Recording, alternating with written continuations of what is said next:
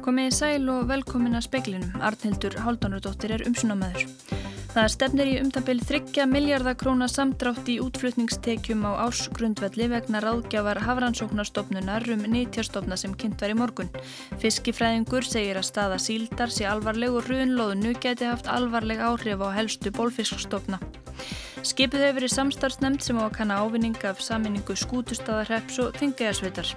Mikið hóp sólheimajökul síðustu ár kom Frank Walter Steinmeier, fórsetta Þískalands mjög óvart segja unglingar í kvólsskóla og kvólsvelli sem hafa fylst með rýrnun jökulsins síðustu ár.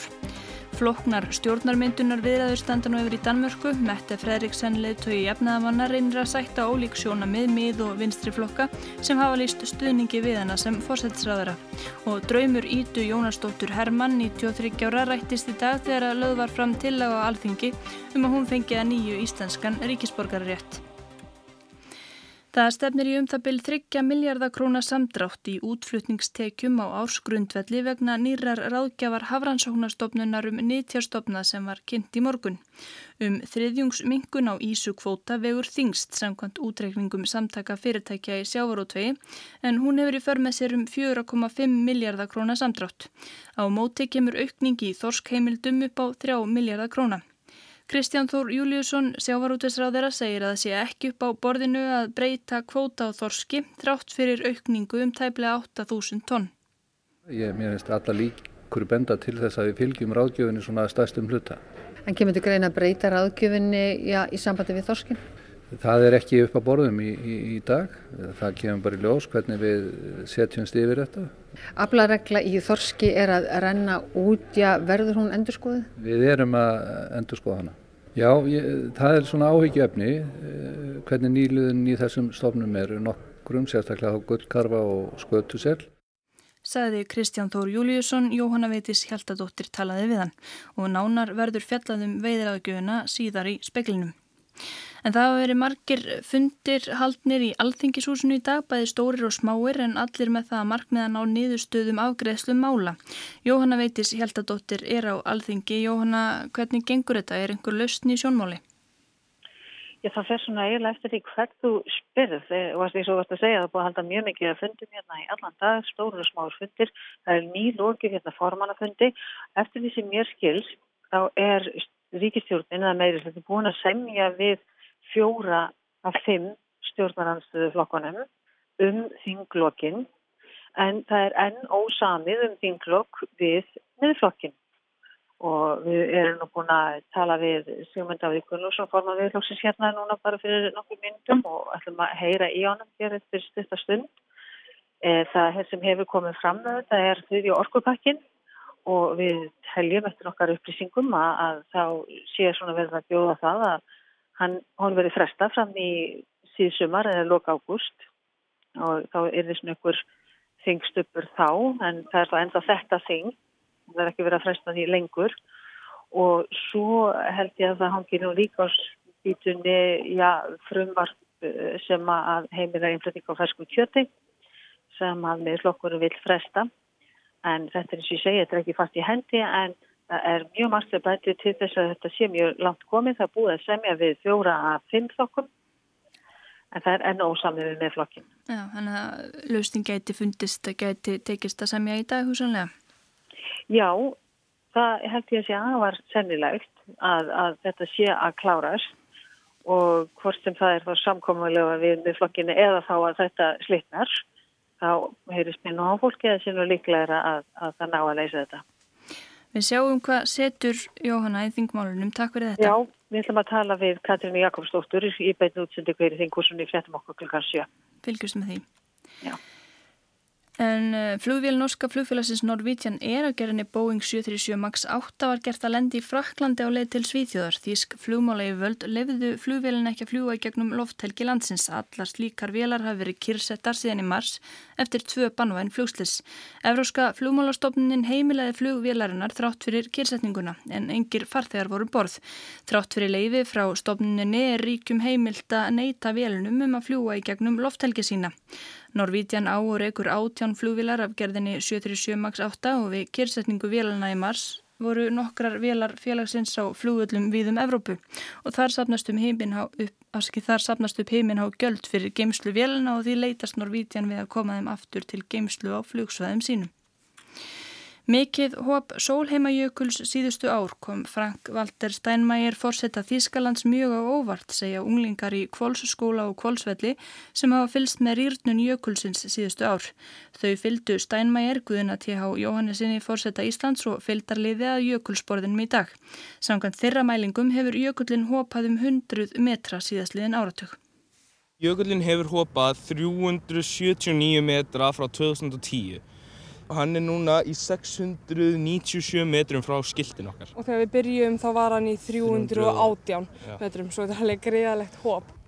Komið þetta ykkur óvart hvað þetta er mikið? Já. Já, ég myndi að segja það. Þetta, þú veist, þú veist, eins og ég sagði, þú veist, á þessum tíma, ég fór fyrir fjórum árum og hann fyrir þremur, þá gerðum við ekkert okkur kannski grein fyrir því hversu Nei. mikið hóp þetta var og hversu merkilegt þetta verkefni væri.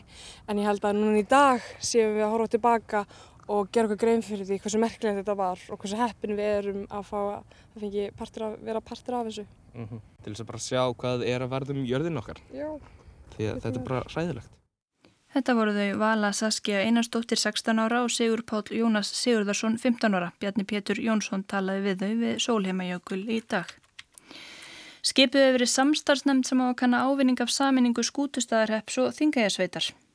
Tillaga samstarfsnefndinni var samþygt samhljóða af báðum sveitarstjórnum í morgun en sveitarfjöluðin hafa átt í farsælu samstarfi í ýmsum málum. Helgi Híðinsson er oddviti skútustaðarreps. Þetta eru bæði mjög landmikil sveitarfjöluð sem að, sem að sinna þar að leiðandi sambarlegum viðfangsefnum gagvart íbúum og ríkinu. Þjónustustíðið er bísna hátt og sveitarfjöluðin standa nokkuð vel og við teljum að það getur falist tækifæri til þess að styrkja styrkja einviði sveitafélagana og þjónustu výbúana til munna með, með saminningu hugsalæri. Verði af saminningu verði til stærsta sveitafélag landsins eða rétt um 12.000 tverrkilometrar. Helgi segir að ímsu að huga og að verkefni nefndarinnar sé að kortleggja helstu viðfangsefni, gera verkáallun og setja nákvæma tímarama. Ég held að, að búi mikil reynsla í, í nefndinni sem hafi verið skipuð og við höfum tryggt okkur framhúsgarandi ráðgjöfa til þess að reyna að vinna vinna þessa greiningu eins vel og kostur er. Nemndin hefur átján mánuði til að skila áliti sínu og segir Arnór Benonísson, oddviti þingiðasveitar, að ferlið eigi eftir að enginast af miklu samráði við íbúa.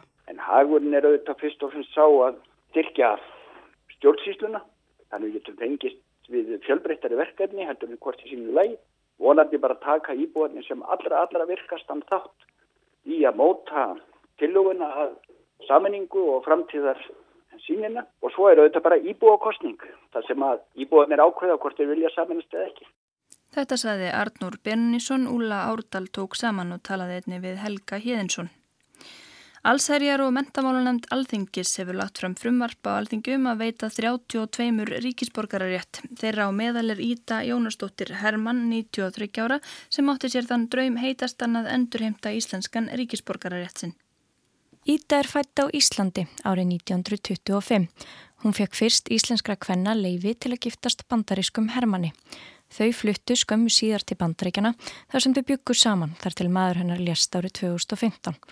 Íta vissi ekki að þegar hún hlaut bandarískan ríkisborgararétt árið 1953 misti hún sjálfkrafa íslenskan ríkisborgararétt sinn. Hún segist það var orðið miður sín þegar henni var það ljóst síðar. Íta segist aldrei hafa glemt uppruna sínum. Hún hefur kynnt íslenskar hefðir víða um bandaríkin og gefið út bækur um æsku árin á Íslandi. Hanna hefur lengi dreymt um að endur heimta ríkisborgararéttin.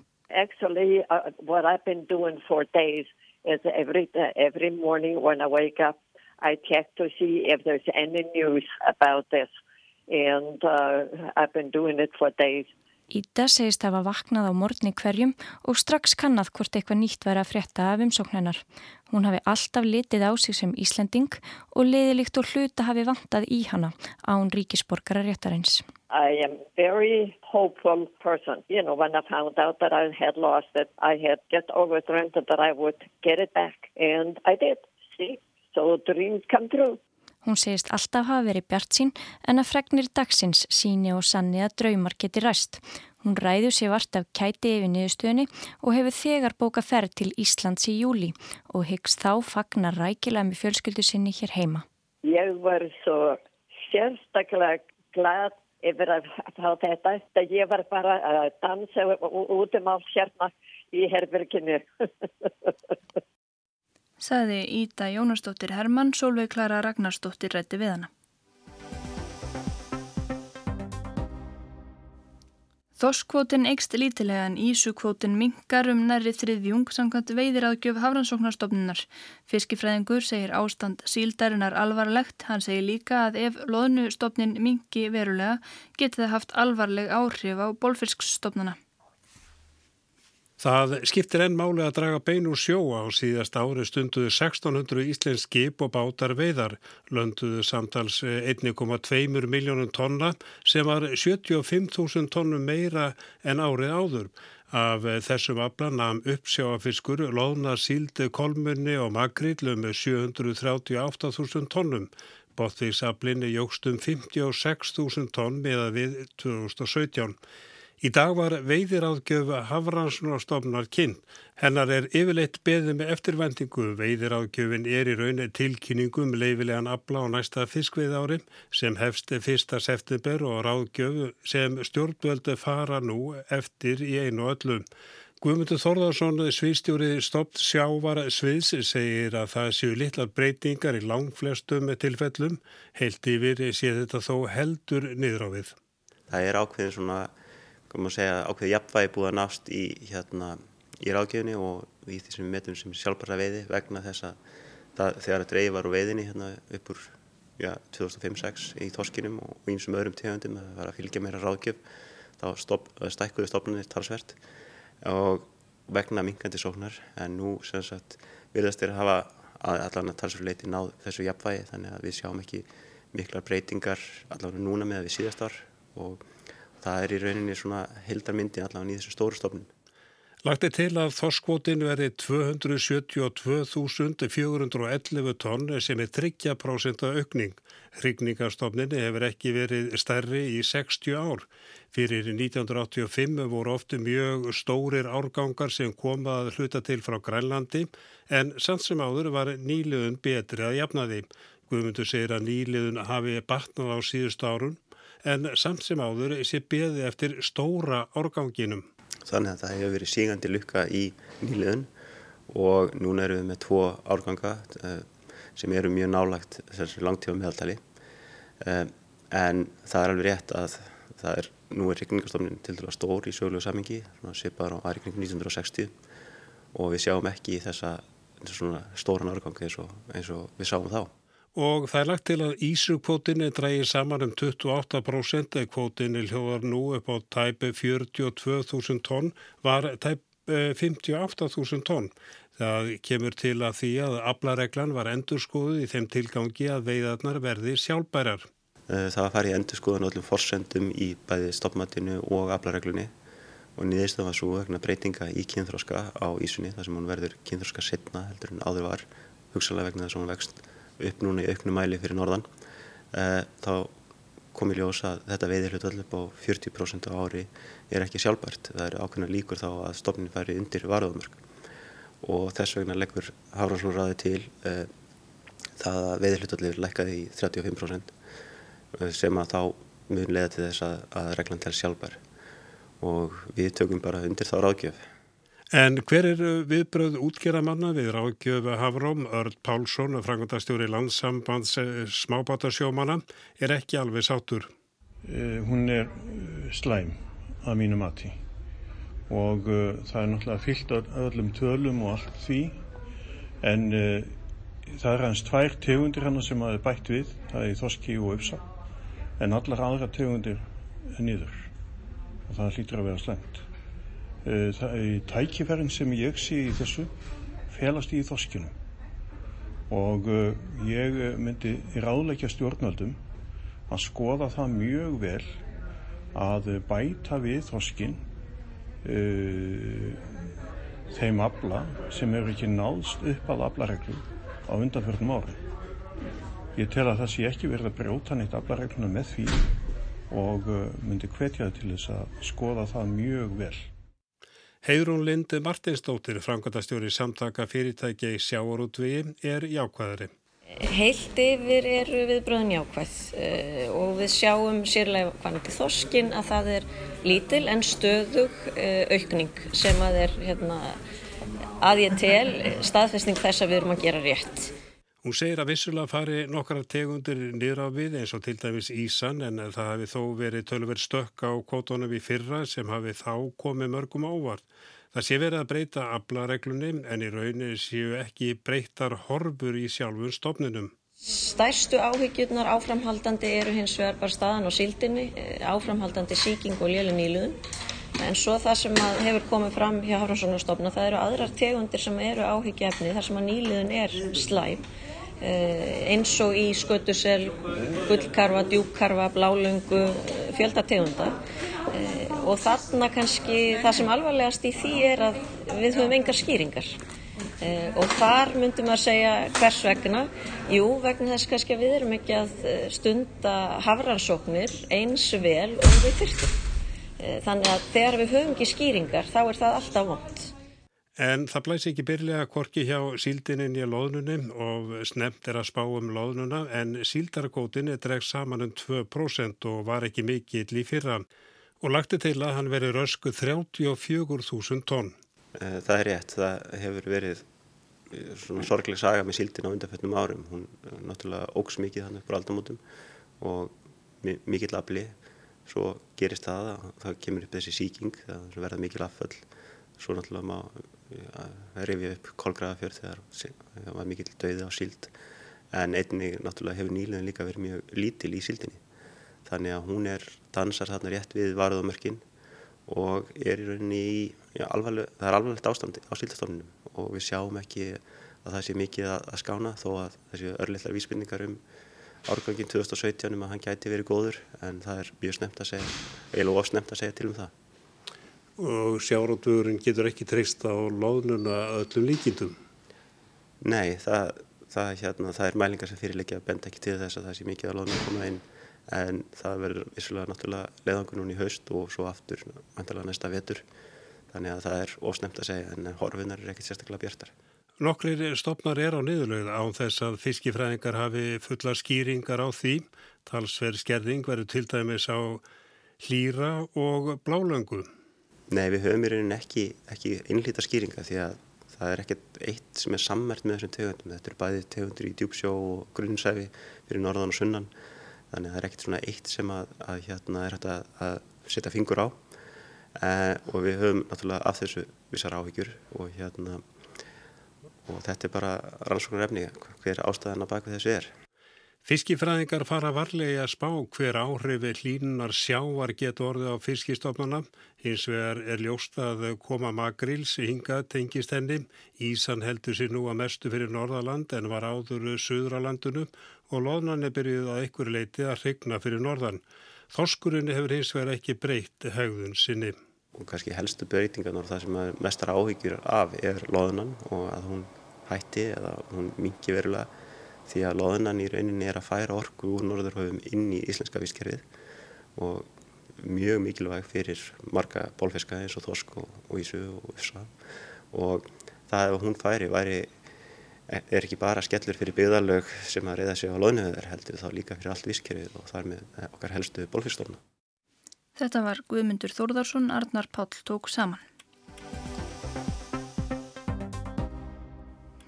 Flokkar sem hafa líst yfir stuðningi við að Mette Fredriksen leittöyu jafnaðamanna verði næsti fórsætsræðara Danmerkur fengu meiri hluta í þingkostningunum í síðustu viku. Stjórnarmynduna viðræður eru þó flóknar því flokkarnir hafa ólíkar skoðanir og stefnu í mörgum málum, bóji Ágússon. Mette Freyriksson hefur rætt við leitt og annara flokka sem fengur kjörna þingmenn í kostningunum 5. júni og síðustu daga hafa að miði og vinstri flokka rætt stjórnarmyndun.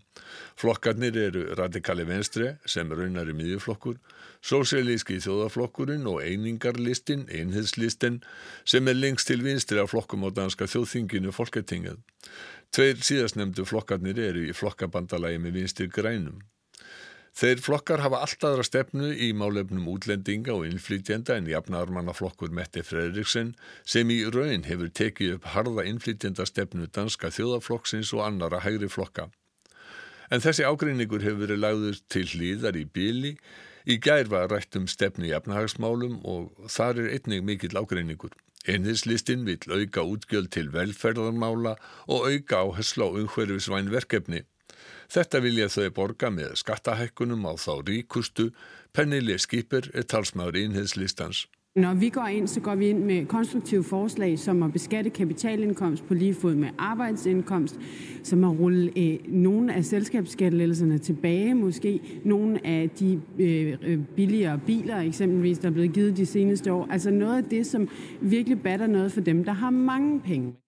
Við viljum að skattar á fjármagstekjur séu hinn sömu og á launatekjur.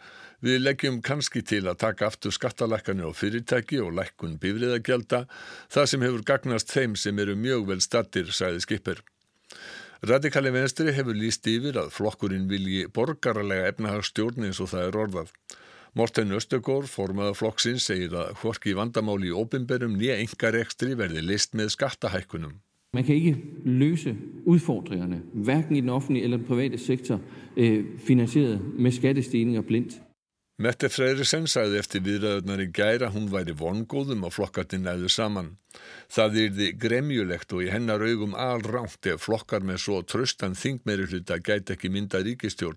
Mörgum dönum þætti það einkennilegt ef ekki tækist að mynda stjórn. Det ville være både ærgerligt og i mine øjne også helt forkert, hvis et, et, et så fint flertal med så stor berøringsflade ikke bruger det til noget. Altså jeg tror, der er mange danskere, der synes, det er noget mærkeligt noget, hvis ikke der kan dannes en regering på baggrund af det her. Hlið hefur verið gert á formlegum viðræðum vegna þess að nánast allir helstu leðtóri í dönsku þjóðlífi eru nú komni til Borgundarholms og sækja þar fund fólksins, árlega samkomu þar sem rættir um landsins gagn og nöðsynjar. Hugsanlega gefst þeim sem nú reynað mynda stjórn tækifæri til að ræða ágreiningsefnin í andrumslofti sem er ekki eins formlegt og fundir í þinghúsi Dana Kristjánsborgarhöll. Verkefni Metti Freyrisson er nokkuð snúið. Fyrir kostningar sagðist hún helst vilja að jafnaðarmenn sætu einir í stjórn með stuðningi annara flokka sem hafðu líst stuðningi við hana sem fósættisráð þeirra. Takist Freyriksson ekki að sætta ólík sjónarmið og stefnu radikali venstri, sósælíska þjóðaflokksins og einhiðslistans, gæti hún ringt í Larslökke Rasmussen fósættisráður og leiðtóa venstri. Hann íjaði fyrir kostningar að mögulegu samstarfi jafnaðarmann og venstri. Hann sagði þetta við útgáfu bókar sem hann skrifaði. Ef enginn opnar eru dyrnar lokaðar, sagði Lars Løkke og bætti við. Í þessari bók opna ég í halva gátt. Og det er det, jeg gør med bogen her. At jeg åbner døren lidt på klem. Freyriksson brástið ummælum forsættisráðarins með því að lýsa undrun og ítrekka að jafnaðarmenn vildu sitja einir í stjórn en þau væru reyðubúin að vinna með mörgum flokkum líka venstri. Der er til gengæld mange partier, vi kan gøre meget med.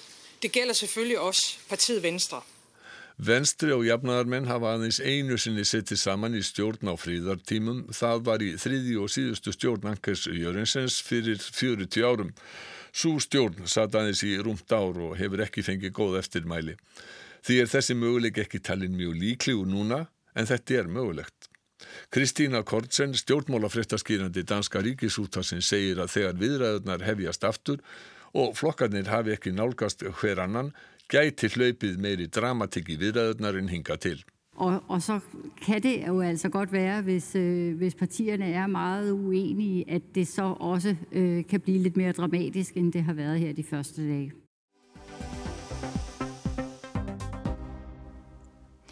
Það má búast við að flokksmenn íhaldsflokksins um 160.000 manns kjósi næsta flokksleitóa og þá um leið næsta fórsættisraðara. Hópurinn er ekki dæmigerður fyrir meðal bretan og verkefni er það sama og fráfarandi fórsættisraðara til þess að mei fjallá að koma bretum úr Evrópusambandinu. Mannaskiptin gætu leitt í ljós að leitóin var ekki stærsti vandin heldur sjálft viðfangsefnið úrganga breta úr ESB. Það vantar ekki gaggrínina á störf Teresu May fráfærandi fórsætsráðara breyta. Þrátt fyrir marg endurtekinn fyrirheit um að koma breytum úr Evrópusambandinu tókst henn ekki ætlunaverkið. Hín og þessi místökinn má týna til.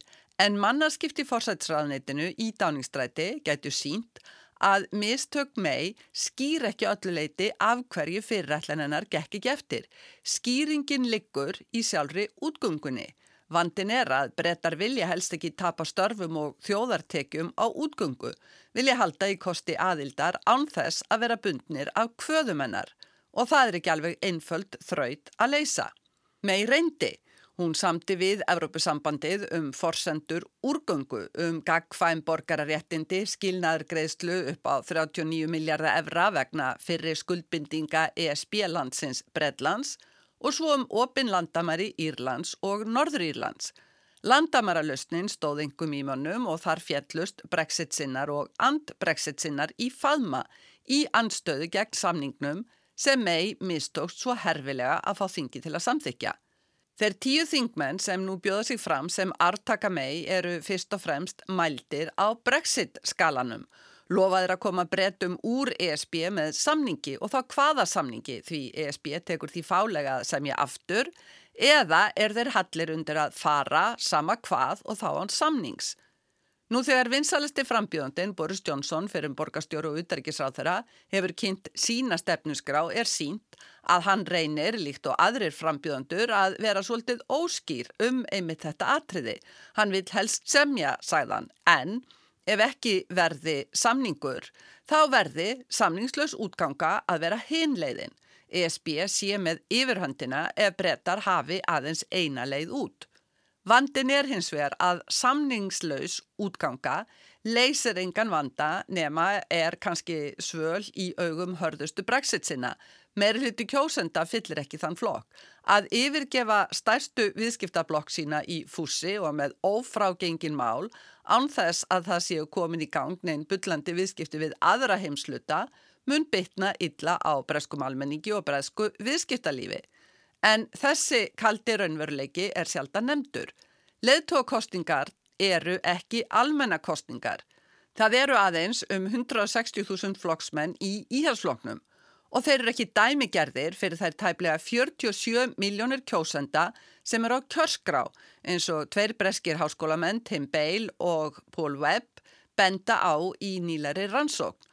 Flokksbundnir íhalsmenn eru almennt eldri en meðaltal kjósenda, miklu fleiri karlar en konur í flokknum, búa flestir í suðurluta landsins eru betur stæðir en meðaltalið, mun lengra til hægri bæði í efnahags- og félagsmálum og uppbrinnið þeirra fjarið því að fjölbryttur og meðaltal kjósenda er. Það er mikið talað um nöysinn þess að sameina þennan mjög svo brexit splundrað flokk sem íhalsflokkurinn er, líkt og þjóðinn Conan Bale og Webb sínir að Johnson hafðar til harðasta kjarna í allsflokksins sem er hvorki dæmigerður fyrir flokkin í þjóðina. Þessi kjarni er óhrættur við samningslöst Brexit, hefur kosið eða er tilbúin að kjósa Brexit-flokk Nigel Farage, vil skattalækkanir og niðurskurð ofinberra útgjalda. Og það sem er kannski mest úr takti við þjóðarsálina þessa vikurnar finnst ungverðismálin ekki skipta miklu. Ef sjónar með þessa hóp stýra ferðinni næstu misserinn eru hvorki líkur á saminuðum flokki eða þjóð, nýja líkur á að Johnson farnist mikið betur í brexit-efnum en mei. Meðan leðtóa frambjöðundur íhalsflokksins keppast við að sínast óhyggaður í brexit-efnum, reyndu þingmenn verkamannaflokksins að koma því svo fyrir að brettar geti ekki yfirgefið ESB samninga löst, vildu það mál á dagsgráð þingsins í lók júni. Þessi áleiktun var feld í þinginu. Meirilitu þingsins er þó ansnúin samningslausri útgöngu og sama hvað þá er það politíst sjálfsmorð fyrir sérkvært fórsætsráð þeirra sem reynir brexit í trási við þingið. Stjórnin er minnulhutastjórn og hefur ekki þingmeirluta í þessum efnum. Um þetta geta þingmenn verkamannflokksins saminast hér og nú. Meðan allra augu eru á leðtókjöri íhersflokksins, léttir aðteklinni af verkamannflokknum og ósamlindinu þar. Sigrun Davidsdóttir saði frá. Það var meðal efnis í speiklinum að það stefnir í um það byrj 30 miljardakróna samdrátt í útflutningstekjum á ársgrundvelli vegna ráðgjafar hafrannsóknarstofnunar um neytjastofna. Fiskifræðingur segir að staða síldar sér alvarleg og hrunlóðinu geti haft alvarlega áhrif á helstu bólfiskstofna. Mikið hóp sólheimajökul síðustu ár kom Frank Walter Steinmeier, fórseta Þískalands mjög óvart, segja unglingar í kvólskóla og kvólsvelli sem hafa fylst með rýrnun jökulsins síðustu ár. Og draumur ítu Jónasdóttur Hermann 93 ára rættist í dag þegar lögðar fram til á alþengjum á hann fengja nýju íslenskan ríkisborgararétt. Veðurhorfur austlæga átt en norð-vestlæga átt vestan til, skíjað og þurft en lítilsáttar úrkoma austanlands, léttara yfir á morgun vestan til, hiti breytist lítið. Það er ekki fleiri speklunum í kvöld, tæknimaður var Mark Eldred, verið sæl.